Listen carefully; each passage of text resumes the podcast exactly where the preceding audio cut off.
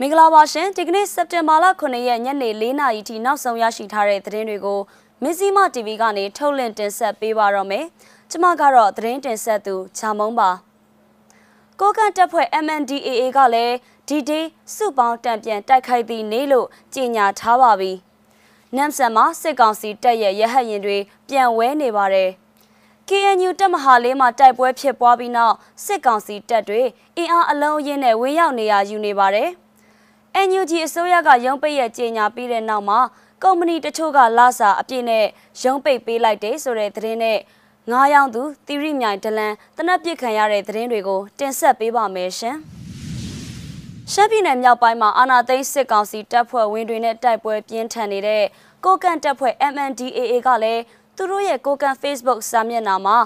စုပေါင်းတံပြန်တိုက်ခိုက်သည့်နေ့ဆိုပြီးအသိပေးရေးသားထားတာတွေ့ရပါတယ်။ အမျိုးသားညီညွတ်ရေးအစိုးရ NUG ကဒီကနေ့စက်တင်ဘာလ9ရက်နေ့မှာစပြီးစစ်အာဏာရှင်တော်လှန်ရေးစတင်ပြီလို့ကြေညာထားပြီးပြည်သူ့ကာကွယ်ရေးတပ်ဖွဲ့ PDF တွေအနေနဲ့လည်းမိမိဒေသတွေကစစ်ကောင်စီတပ်နဲ့ဓာတ်တိုင်တွေကိုပြစ်မှတ်ထားထိန်းချုပ်ကြဖို့ကြေညာထားပါတယ်။မြန်မာနိုင်ငံဒီမိုကရက်တစ်မဟာမိတ်တပ်မဟာ MNDAA က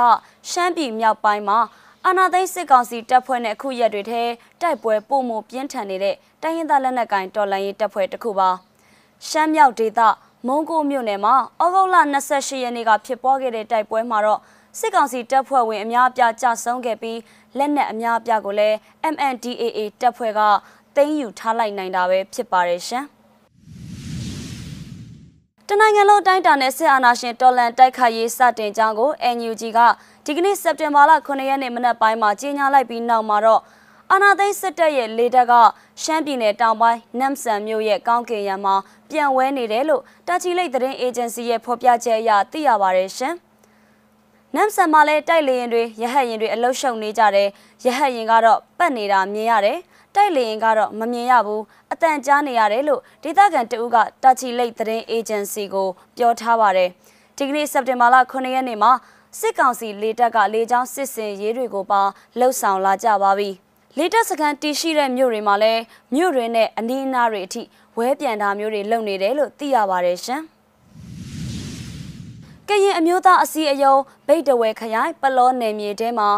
ဒီကနေ့စက်တင်ဘာလ9ရက်နေ့မနက်ပိုင်းတုန်းကတိုက်ပွဲဖြစ်ပွားခဲ့တယ်လို့ဒေသခံတွေကပြောပါတယ်။ KNU နယ်မြေတဲကိုတက်အင်အားအလုံးအင်းနဲ့ဝင်ရောက်လာတဲ့စစ်ကောင်စီတပ်နဲ့နယ်မြေကန်ကရင်အမျိုးသားလွတ်မြောက်ရေးတပ်မတော် KNLA တပ်မဟာလေး ကရင်မျိုးသားကာကွယ်ရေးတပ်ဖွဲ့ KNDO တပ်ရင်းခုနှစ်တို့ရင်ဆိုင်တိုက်ပွဲဖြစ်ပွားခဲ့တာလို့ဒေသခံမျိုးသမီးတဦးက KIC ကိုပြောပြပါဗျ။ဒီမနက်ကစပြီးဒူးရင်ပင်ဆောင်ကျေးရွာလမ်းထိပ်ပနဲတောင်နဲ့ကျောင်းနှိပ်နေရာမှာဖြစ်တာပါ။ဗမာစစ်သားတွေကတော့အများကြီးပဲ။ကရင်ဘက်ကတော့နဲတယ်အခုထိပြစ်နေတော့မယ်။ပြစ်ခတ်မှုကြောင့်ရွာသားတချို့ပြေးကြပြီးတချို့ကရွာမှာကျန်နေသေးတယ်လို့ပြောပါတယ်။ပြစ်ခတ်မှုဖြစ်ပွားပြီးတဲ့နောက်စစ်ကောင်စီတပ်သားအပြစ်တင်ဆောင်ထားတဲ့ စစ်ကားအစီးရေ30လောက်က KNU ထိန်းချုပ်နယ်မြေထီခီဘက်ကိုခြိတက်သွားပါတယ်။အဲ့ဒါအပြင်ပလောမျိုးဘက်မှာလည်းစစ်ကားအစီးရေ40လောက်သွာလာလှုပ်ရှားနေတယ်လို့ဒေသခံတွေကပြောပြပါတယ်။တိုက်ပွဲဖြစ်ပွားမှုအခြေအနေနဲ့ပတ်သက်ပြီး KNU ဗိတ်တဝဲခရိုင်ပြောခွင့်ရသူဘဒိုစောဖလော်ဆိုဝင်းက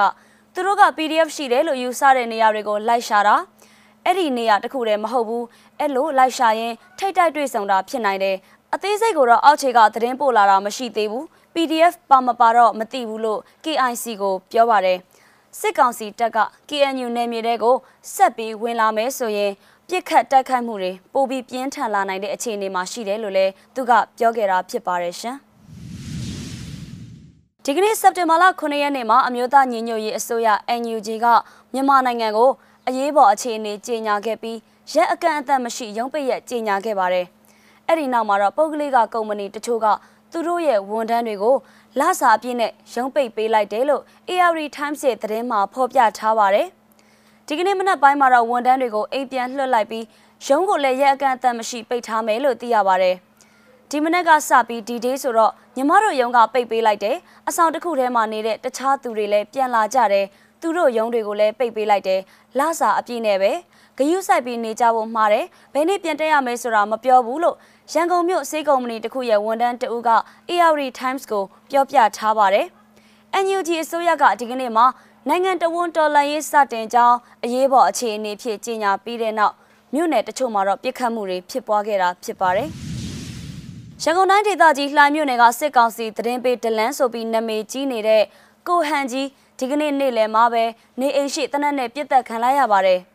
73ရက်ကွက်တစ္ဆာလမ်းမှာနေထိုင်တဲ့ကိုဟန်ကြီးကစပိန်ပြင်းနေချိန်မှာပဲပြစ်တက်ခံရတာပါ။တနက်တန်လဲ6ချက်ကြားခဲ့ရတယ်လို့ဒေသခံတွေကပြောပါတယ်။ကိုဟန်ကြီးတို့လင်မယားကလှိုင်မြို့နယ်မှာတွန်းလဲတစည်းနဲ့ငားတွေလှည့်လဲရောင်းရင်စစ်တပ်သတင်းပေးလုပ်နေခဲ့တာလို့ဒေသခံတွေကဆွတ်ဆွဲထားကြပါတယ်။ကိုဟန်ကြီးကတေဆုံးသွားပြီးဇနီးဖြစ်သူကတော့လွတ်မြောက်သွားပါတယ်။အခင်းဖြစ်ပြီးအချိန်ကြာတဲ့အထိလာရောက်ကူညီပေးသူမရှိဘူးလို့လည်းသိရပါတယ်ရှင်။